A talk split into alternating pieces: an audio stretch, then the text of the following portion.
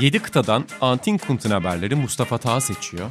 Canereler ve Ozan Cansülüm Transatlantik'te yorumluyor.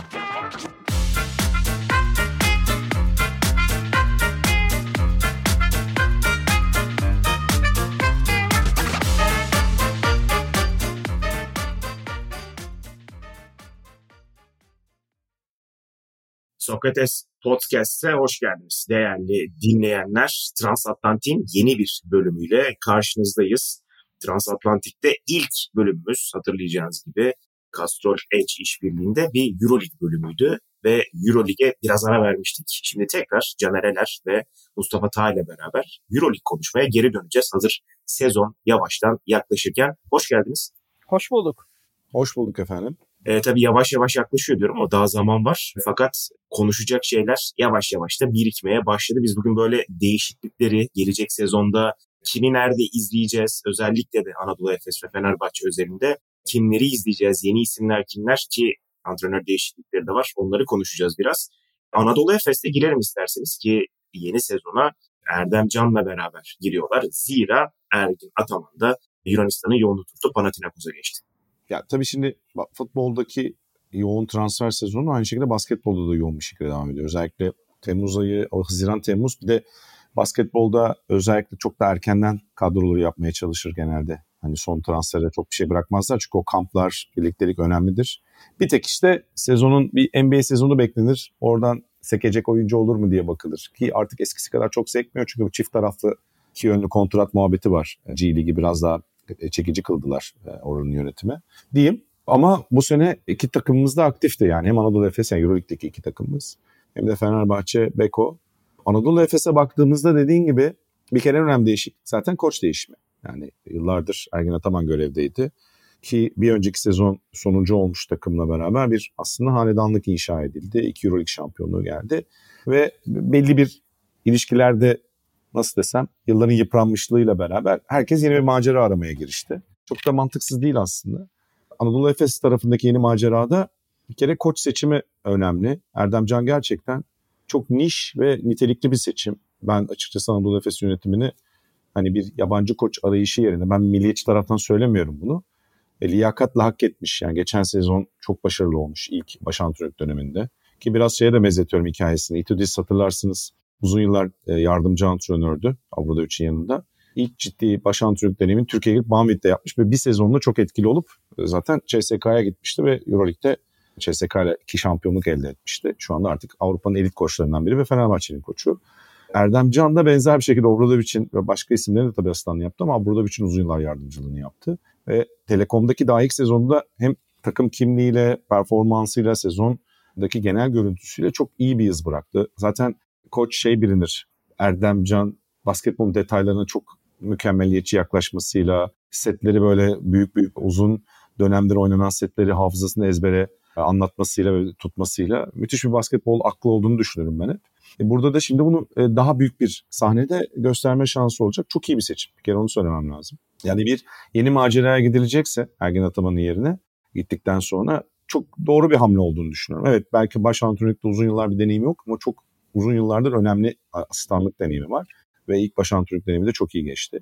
Kısaca oyunculara gelirsek de zaten Erdem Can geldiğinde takımla beraber biraz kendi oyun atmak istediği o çok yönlü daha bu kalemun takımı oluşturmak adına da kendi güvenli birkaç oyuncuya da gitti. Tarık Jones zaten Telekom'dan.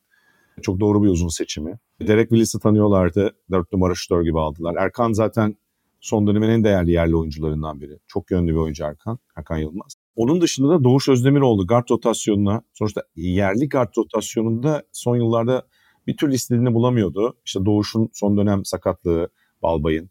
Ertan'ın tam daha olgunlaşmaması derken şimdi hem Ertan Gazi hem Doğuş Özdemiroğlu. Gayet iyi bir ikili var. Vasili Misic'tir burada en önemli herhalde değişim. Yani e, Ergin Ataman'ın takımında iki özel süper yetenek beraber oynamaya ve beraber performans göstermeye alışmış isimden birisi gitti artık NBA'ye. Shane Larkin yanına bu kez Darius Thompson geldi. Daha farklı bir oyun kurucu Thompson. Yani Misic gibi net bir şutu yok ya da her yerden kritik anlarda şut sokma becerisi ya da o tip bir kariyerini görmedik henüz. Geliştirir mi? O ayrı mesele. Ama oyun temposu, geçiş ucumu yönetmek, diğer oyuncuların verimini yukarı çıkartmak meselelerinde elit bir guard olmaya aday. Bence hala tam elit bir guard olmuş değil. Euroleague deneyimi çok az. Bu sezon onun için de önemli. Yani bir kademe yukarı çıkabilmek. Efes'in bence o çıkışında kritik bir transfer. Çıkış yapma isteğine yeni bir takımla. Değişimde o devinimde. Bir kere Elijah Bryant, Rodrik Boboa gibi kritik bence takımın toparlayıcı Tibor Plyce gibi isimlerin kalması da önemli. Yani bir anda tamamen takım değişmedi. Hani omurgadaki bazı kritik isimler var. Zaten Clyburn büyük bir yıldız olarak var. Mesela Mitsic, Larkin, Clyburn üçü de top skor üretme anlamında çok özel isimler ama işte o uyum ya da paylaşım, kolektif yapı tam oluşamadı. Bir sezonda oluşması zor zaten. Şimdi Darius Thompson orada biraz daha doğru tamamlayıcı bir isim Clyburn'la eşleşmesinde yani oynayışında. Yani genel görüntü sezon için umut verici. Takım kalitesi düştü mü? Bence düşmedi. Zaten takımın önemli bölümü hala duruyor. Üstüne üstlük Euroleague'de en geçen senenin şarşalı kartlarından birini aldılar yani Darius Thompson'ı. İşte Mbay gitti, Dunstan gitti, Singleton ayrıldı. Vasilemis dışında Burak'ın e, ayrıldı. Bence oralarda değişmesi gereken bazı parçalar değişti. Çünkü uzun rotasyonu geçen sene en sıkıntılısıydı. Daha dinamik bir uzun rotasyonu oldu bence. Yani Jijic hala benim için soru işareti. Plyce'ın sağlık durumu önemli. Yine orada problemler oluşabilir. Yani tam bence mesela ben Jijic yerine tabii kontratta engelledi. Onun da etkisi var. Belki Jijic'den daha verim alır mı bilmiyorum Erdemcan ama işin savunma kısmında hala benim kafamda soru işareti oluşturacak bir uzun rotasyonu var. Ama Tyreek Jones da bir çok, orada çok iyi bekleme diye bir toparlama yapmış olayım. Buradan pası Taha'ya atayım. Taha aslında sana dönerken şu iki soruyu soracaktım. Caner bir yandan böyle yanıtlar gibi oldu. Bir, hani çok mu fazla değişim var ve kalite mi kaybedildi? İki, hem yeni bir yeniden kurulan bir takımda bir anda bu kadar fazla değişiklik antrenör dahil acaba ısınma dönemi biraz uzun sürer mi? Bunları soracağım. Şimdi 5 yıl bu takım Ergin Ataman'la birlikte neredeyse 5 yılda birlikte oynuyordu. Zaten 2 Euroleague şampiyonluğu gördü, bir final gördü. Muhtemelen pandemi olmasaydı bir şampiyonluk daha alabilecekti. Bence Efes doyuma ulaşmıştı. Hem kadro doyuma ulaşmıştı hem Caner'in de dediği gibi hani art yıpranmışlıklar da vardı. Doğru bir adım atıldı. Yani geçen sezon gördük hani bu kadronun artık misyonu tamamladığını. Doğru tercihler yapıldı. Zaten doğru tercihler yapıldığında şundan görüyoruz işte. Geçen gün Shane Larkin bir podcast'e katılmıştı. Podcast'te söylediği bence onun değişimden mutluluğunu gösteriyor. İşte Ergin Ataman ve Erdem Can'ı kıyasladığı noktada hani Ergin Ataman'ın kararları verdiğini ve o kararların uygulanması istediğini, Erdem Can'ın ise birlikte karar vermek istedi. Oyuncularına danıştığı, oyuncularla konuşarak karar verdiğini söylüyor. Ki geçen sezon ve önceki sezon bunu çok gördük işte. Hem Vasilya Misic hem de Shane Larkin Ergin Ataman'ın aldığı kararlardan işte oynama sürelerinden, oyundan çıkardığı anlarda işte bazen son çeyreklerde oyundan alıyordu ve gerçekten mutsuz olduklarını gösteriyorlardı. Bence kalan oyuncular da hem antrenör değişikliğinden hem kadrodaki değişikliklerden olumlu etkilenecek. Çünkü dedi yani artık doymuştuk. Hani bir noktada misyonu tamamlamış bir kadro yerine gerekli temel taşların çoğunun kaldığı ama doğru eklemeler takıma heyecan verecek, takıma adlerini kazandıracak eklemeler yapıldı. Can'ın dediği kısma çok katılıyorum. Bence uzun rotasyonu çok şey vermiyor. Hani tam net bir uzun rotasyon olduğunu söyleyemeyiz Anadolu Efes'e ama hala Euroleague'in başlamasına neredeyse iki ay var ve bu iki ay içerisinde muhtemelen oraya da transfer yapacaklar Anadolu Efes diye düşünüyorum. Buradan Anadolu Efes'te ekleyeceğiniz bir şey yoksa aslında Anadolu Efes'ten sekip biraz Ergin Ataman transferini de konuşabiliriz. Oraya da bir değinmeden geçmeyelim bence. Ya orada bu arada şey bir parantez açayım. Daha da bir değindi hatırlatmak babında. Uzun rotasyona ilgili sıkıntı bence şu detay vermek gerekirse artık ikili oyun savunmasında ki artık kritik bir konu ya da işte kısanın çembere ucumunda ayakları çabuk mobil uzunlarınızın olması önemli oluyor. Yani bir arkada ikinci çember koruyucu dışında Efes'te geçen sene en büyük Euroleague'deki problemlerden biri buydu. Çünkü önceki senelerde Dunstan hep sezonun son bölümünde diriliş Dunstan. Yani yaşı ilerlese de sürekli bir yerde ortaya çıkıyordu. Sertaç vardı zaten ondan önceki şampiyonluk senesinde ilk. Yani o yüzden bu geçen sene o tarz uzunları çok aradılar. Dunstan'da özellikle bir türlü dönemeyişiyle, problem yaşayışıyla. Artık yaşı da kaç oldu zaten o yüzden ayrıldı takımla. Yani orada ben açıkçası Jijic veya ya Plyce bence kalabilirdi. Plyce bir de çünkü orta mesafe üçlük tehdidi de var. Hala bir deneyimle bir de çok iyi bir karakter takım içinde. Birleştirici bir karakter. Ama yani Zizic benim için çok soru işareti. Yani geçen sene de öyleydi. Muhtemelen kontrattan çıkamadılar. Bilmiyorum konuşmadım Erdem Can'la, koçla veya kimseyle ama çok büyük tahminim o. E, çünkü ağır bir kontratı vardı. Bence biraz ellerini bağlamış olabilir. Zizic'den de verim almaya çalışacaklar diyeyim. Mesela geçen sene Ergin Ataman'ın en çok problem yaşadığı konu oydu. Ki Zizic sonra sezonu kötü bitirmedi bu arada. Ama yani yine de açıkçası Euroleague'de bence çok istediğini bulamadılar. Ergin Hoca'ya gelirsek de ya bence o da bir şey aradı. Artık biraz bazı ilişkiler bence ikircikli ve girift hale gelmiş. Hem kulüp içinde hem dışarıdan. Biraz bence onun için de yurt dışına gitmek artık böyle bir kariyerde Siena'ya gittiği gibi. Bence doğru bir karar. Evet Efes taraftarları tabii ki böyle başarılı birliklerin devam etmesini ister ama bence ikisine de bir taze kan gerekiyor gibi hissediyordum. İlginç de bir projeye gitti.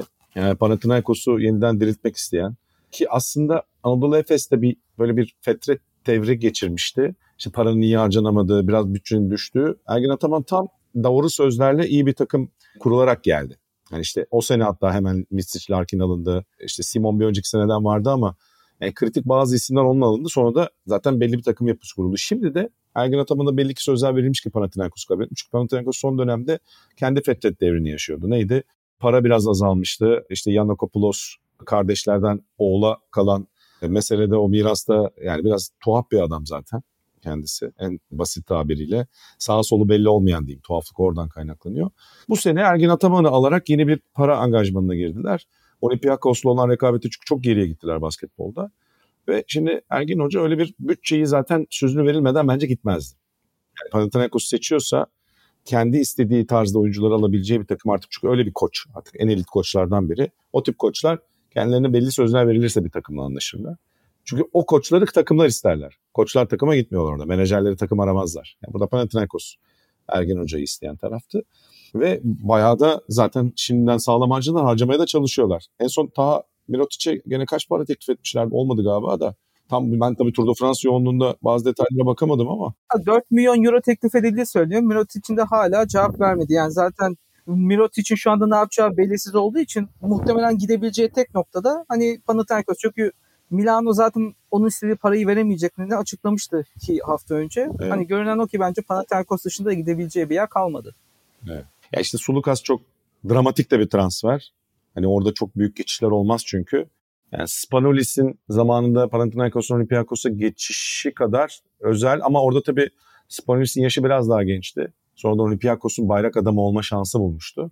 E şimdi bu da 33 yaşına geçiyor Sulukas. Ve biraz en, enteresan bir transfer gerçekten. 3 yılını 10 milyon euro çok ciddi bir para. 33 yaşında bir oyuncu için. Ve Sulukas benim aşırı güvendiğim bir oyuncu değil bu arada takım kurarken. Yani bana biraz riske girdiler gibi geliyor ama hem bence bir geliyoruz biz bakın hala e, eski gücümüze ve yapımıza kavuşuyoruz tadında bir mesaj transferi bu. Rakipten alıyorlar çünkü ezeli rakipten. Ve simge oyuncusunu alıyorlar. Yani Sulukas o takımdan büyüdü, yetişti. Gitti geri geldi. İki Euro şampiyonluğu yaşadı daha önceden e, Olympiakos'ta. Yani oradan bir hamle var. Tabii bütün takımı analiz etmeyeyim ama zaten çok agresif bir takım kurulduğunu söylemek lazım. İşte çift yaratıcı guard, Sulukas Vildoza var. E, zaten Kyle Guy bence çok iyi bir transfer bu arada. Çok iyi bir şutör. E, Papa Petru'yu geri döndürdüler Partizan'dan. Dino Smithoğlu doping probleminden dolayı aslında çok iyi geçirdi. Bir sezonda yarım kalmıştı birkaç sene önce Milano'da. Matias Lösor müthiş transfer. Yani ben mesela Lösor'un Efes şeyini çok beklerdim. Ergin Ataman kalsa zaten bence Efes alırdı. Ergin Ataman. E, Panathinaikos'a gidince onlar ikna edip parayı verdiler diye böyle bir kendi hala da bence ekleyecek. Bir dört numara şutör arıyor bence çünkü orada bir eksiği var mı? Evet var. Şöyle bir kadroya bakıyorum. Jerry Grant transferi de iyi ama biliyorsunuz yani çok kritiktir. Ergin Ataman'ın sisteminde o uzunluğun en kötü bir tanesinin şut tehdidinin olması. Daha burada o zaman sana şöyle döneyim. Yani genellikle zaten dinleyenler hep cümleyi hatırlar. Yani Castor Edge ile baskı altında gerçek performans diye konuştuk daha önceki yayınlarımızda. Burada şunu sorayım. Ya tabii ki yeniden yapılanma var. Mustafa. Böyle Mustafa yeniden yapılanmada bir noktada başarı da beklenecek ve istenecek. İşte para da harcanıyor vesaire. Sence Ergin Ataman ve tabii ki oyuncular üzerlerinde bu baskıyı ne kadar hissedecekler ya da ne kadar hızlı şekilde başarı beklenecek bu değişimde mesela? Şimdi Ergin Ataman'ın gittiği her projede başarılı olduğunu biliyoruz. İşte Siena'ya gittiğinde Siena aslında hani İtalya Ligi'nde sıradan bir takımdı. Siena'yı alıp Euroleague Final Four seviyesinde şampiyonluk seviyesine getirdi. Sonra baktığımızda Galatasaray'ı Beşiktaş'ı şampiyon yaptı. Gittiği her projede Ergin Ataman başarılı oluyor. Yavaş başlayabiliyor ama sonunda istediği sonuçları alıyor. Bence Panathinaikos'ta da buna güvenerek yani Ergin Ataman'ın attığı her atımı düşünerek, bilerek attığını biliyoruz. Efes'e gelirken de öyleydi. Yani Efes Efes'e geldiğinde Efes baktığımızda EuroLeague'de playoff yapamayan, playoff'u zorlayamayan bir ekipti. Alıp toparladı. Doğru bir kadroyla kurdu. Hem Panathinaikos'un yaptığı transferlerden bunu görebiliyoruz. Ergin Hoca'ya çok güveniyorlar ve bence Ergin Hoca da başarılı olabileceği bir ortam olmasaydı Panathinaikos'u teklif edemezdi. Zaten Ergin Ataman her ortamda baskıyı seven bir insan. İşte bunu çok iyi biliyoruz. Barcelona deplasmanlarında hani hınca hınç dolu Barcelona seyircisiyle göğüs göğüse savaştığını maçları biliyoruz. O yüzden bence Ergin Ataman Panathinaikos macerasında da başarılı olacak. Evet yavaş başlayabilirler ama sezonun ilerleyen döneminde bence yavaş yavaş işler oturacak Panathinaikos ve Ergin Ataman için. Ama O zaman yani A'ya kesinlikle Buyurunuz. katılıyorum. Tek bir notum var. Çok e, sağ sol olmayan her an yön değiştirebilecek bir patronla başkanla çalışacak. İlginç bir ikili bence. Hafif böyle bir bir ateşle barut durumu var ama birbirlerini çok yani ya mükemmel bir şey çıkar ya da patlar mı diyorsun? Ya, Hah, yani merak ediyorum ben bu sene sezon içinde şimdi baştan takım kuruluyor da sezon için neler olacak çok merak ediyorum. Yani şunu söyleyeyim soyunma odasında gerilimli anların yaşanması muhtemel olabilir. Onu da belirtmek gerekiyor. Bakalım. Doğru. Ama e, dediği gibi hoca sever gerginlikleri idare etmeyi. O zaman Fenerbahçe'ye geçelim. Hatta ben de bir yandan hatırlatayım. İşte Yan Madar, Nate Sestina, Yorgo Papayanis ve Sertaç Şanlı takıma katılan Enver resmiyet şimdi kazanan oyuncular ki ayrılanlar da var. E, Ya da ayrılma ihtimali olanlar da var. Ki onlar içerisinde Minik Kalates muhabbeti de çok fazla dönmüştü. Hani ne olacak ne bitecek muhabbeti. Yeni sezon için İtidus önderliğinde Fenerbahçe için neler söylersiniz? Taha sen de başlayalım bu istersen. Şimdi geçen sezon Itudis Fenerbahçe'deki ilk sezonda bence eksikliği gördü. Takımda nelerin işlemediğini, ne tarafa ekleme yapılmasını net olarak anladı. İşte playoff'ta son maçta kaçırdılar Olympiakos karşısında. İşte final serisini tartışmalı bir final serisine kaybettiler. E bence yaptığı bütün hamlelerde ona, ona göre işte Sertaç'ın gelmesi dışarıdan şut tehdidi de olan bir uzun getirmiş oldular. Hem Efes'te hem Barcelona'da Sertaç bu işi çok iyi yapıyordu. İşte baktığımızda geçen yıl, geçen sezon Eurolig'in en iyi genç oyuncularından biri olarak gösterilen Yan Madar'ı aldılar. Partizan'da geçen sezon oldukça başarılıydı. İşte yine baktığımızda Türk Telekom'da şutör forvet olarak iyi iş yapan Sestina geldi. Yine Pana- Panathinaikos'un tutmak istediği hatta o nedenle de kendisine sert bir tepki verdi. İşte Papagiannis takıma geldi. Bence istediği tüm oyunculuğu aldı zaten e, Itudis.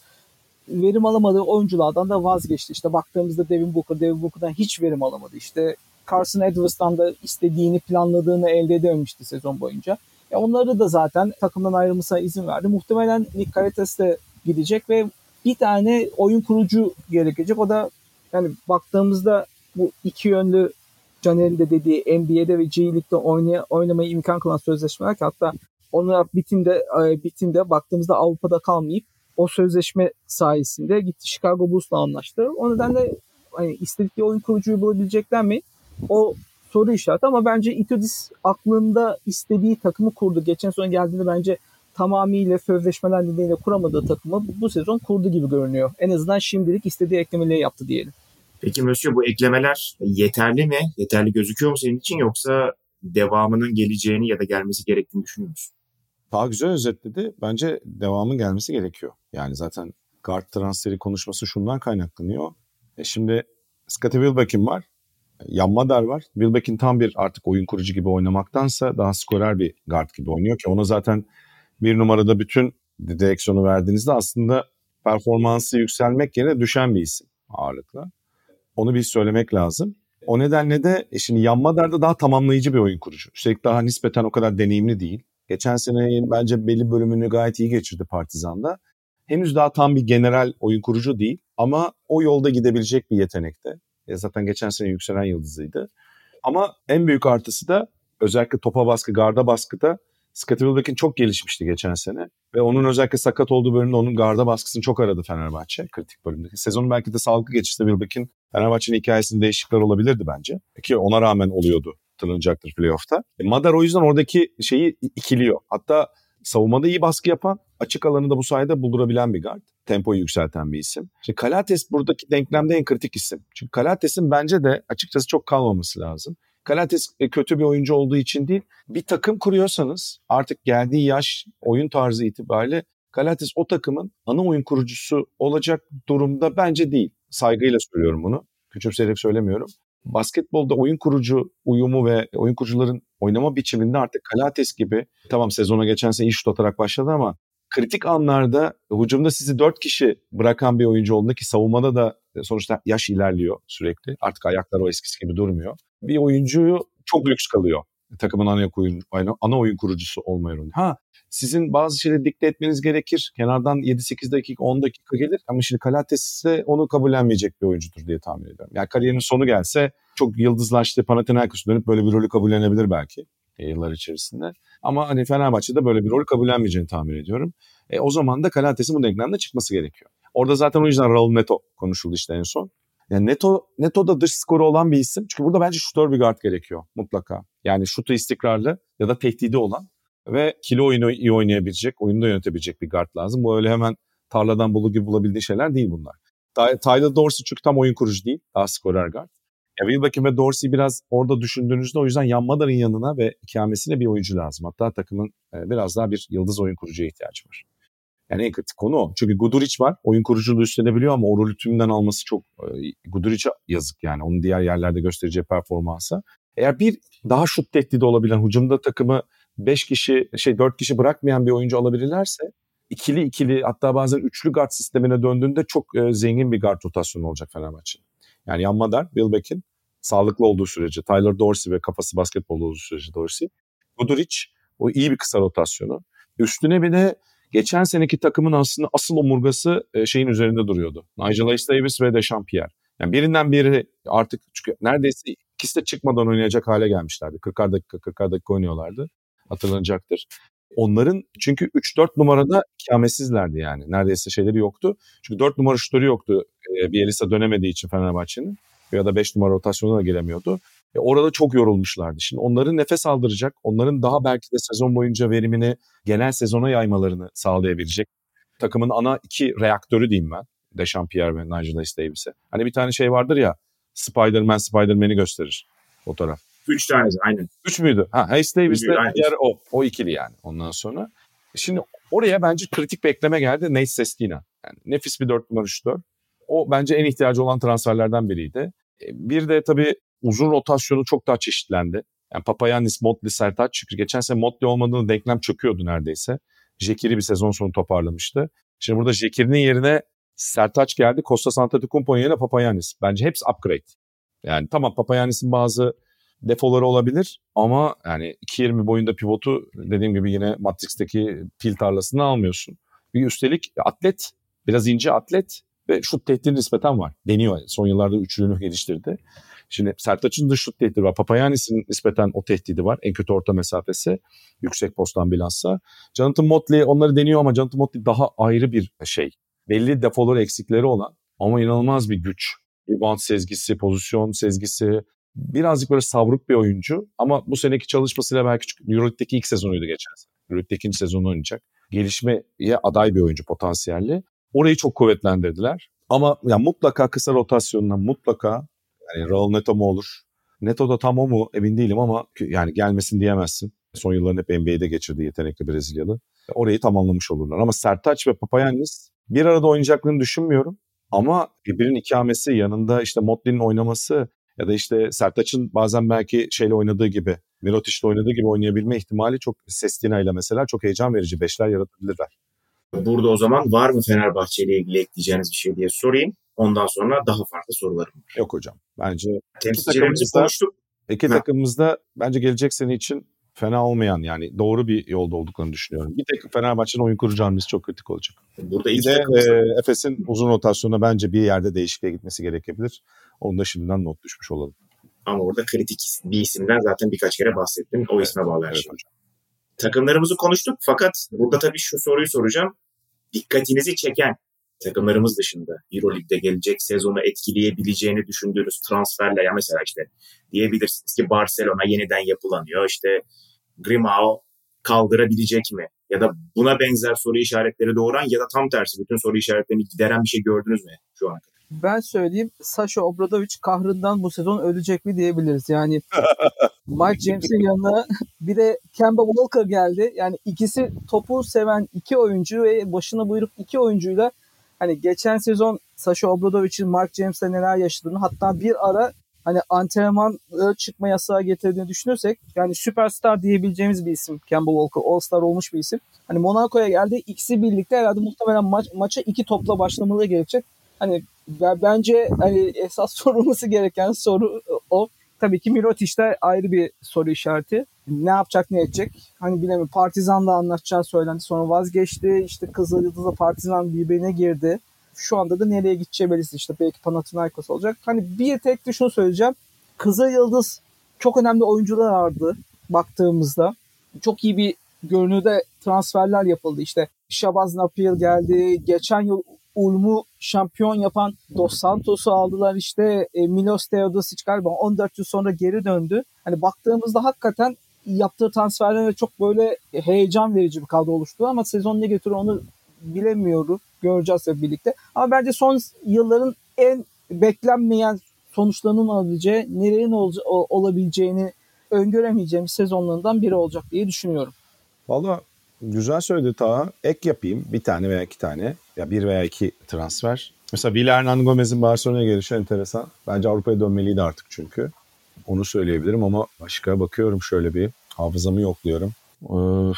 Ya geçen senenin finalisti Olympiakos bir Sulukas'ı kaybetti ama bence kadroyu gayet iyi toparladılar. E, Lüksikma benim yani e, şeyim özel bir hayranlığım olan oyuncu. Çok kritik bir hamle bence orada. Çok iyi bir ekstra hamle. Uzun rotasyonla Olympiakos'tan. Bu senenin e, şey transferi, hipster niş transferi Lüksikma, Olympiakos. Son böyle bir bir not vermek gerekirse arkadaşlar, Kızıldız'ı söyledi zaten daha. Bir belki şey ekleyebilirim. Bence yine tatlı bir transfer. Maudolo'nun şeyi, Emporio Milano. Enteresan, hoş bir seçim bence. Bir de tabii şeyi merak ediyorum. Pablo Lasso'nun Bayern Münih'e gelişi ve dönüşü hocanın. Şimdi onu hatırlat. Yani orada ne yapacağı işte takım da fena değil. Yani Carson Edwards ilginç bir ekleme. Bolmare döndü. Orada yine onların bence bir uzun rotasyonu problemleri olabilir ama e, Lucic orada çok özel bir oyuncu. E, merak ediyorum hoca ne yapacak orada. Ki onların bence transferleri bitmedi daha gibi hissediyorum. Konuşuluyor zaten işte Augustin e, kim vardı birkaç kişi konuşuluyordu. E, Radončić konuşuluyordu, Otello Hunter konuşuluyordu. Bakalım ne yapacaklar yani takımda tutabilecekler mi? Onlar da kritik değil. Aklıma gelenler bunlar. Bayağı bir zaten özet geçtik herhalde. Yani zaten bir de sezon yaklaşırken biz işler biraz daha toparlandığında daha fazla transfer olduğunda veya takımlar sezona başladığında Euroleague sezonu yaklaşırken bir daha konuşuruz illaki. Tabii. Ya şey kritik orada onu söyleyeyim. Tornike Şengel'e nereye gidecek? Yani Panathinaikos'a mı gidecek, başka bir yere mi gidecek? Bir de Mirotic ne yapacak? Ben şu an en önemli soru işareti. Bunların daha cevabını almış değiliz. O kritik. Herhalde biz bir sonraki programda bunların cevabını almış olarak gireriz diye de düşünüyorum bir yandan. Aynen. O zaman ağzınıza sağlık. Sizin de ağzınıza sağlık. Bir başka transatlantik, bir başka Euroleague konuştuğumuz transatlantiği geride bıraktı. Castrol Edge'le hem baskı altında performans olarak aslında biraz Ergin Ataman ve Panathinaikos ön plana çıkarır gibi olduk. E, onun dışında da temsilcilerimiz üzerinde şu ana kadar Euroleague sezonunda neler değişti, transferleri konuştuk. Tabii ki daha da konuşmaya devam edeceğiz sezon yaklaştıkça. Mustafa Taha ve Canerelerle birlikte ben Ozan Sürüm sizlerleydik. Transatlantik'te yeniden görüşmek üzere diyelim. Hoşçakalın. Hoşçakalın. Hoşçakalın.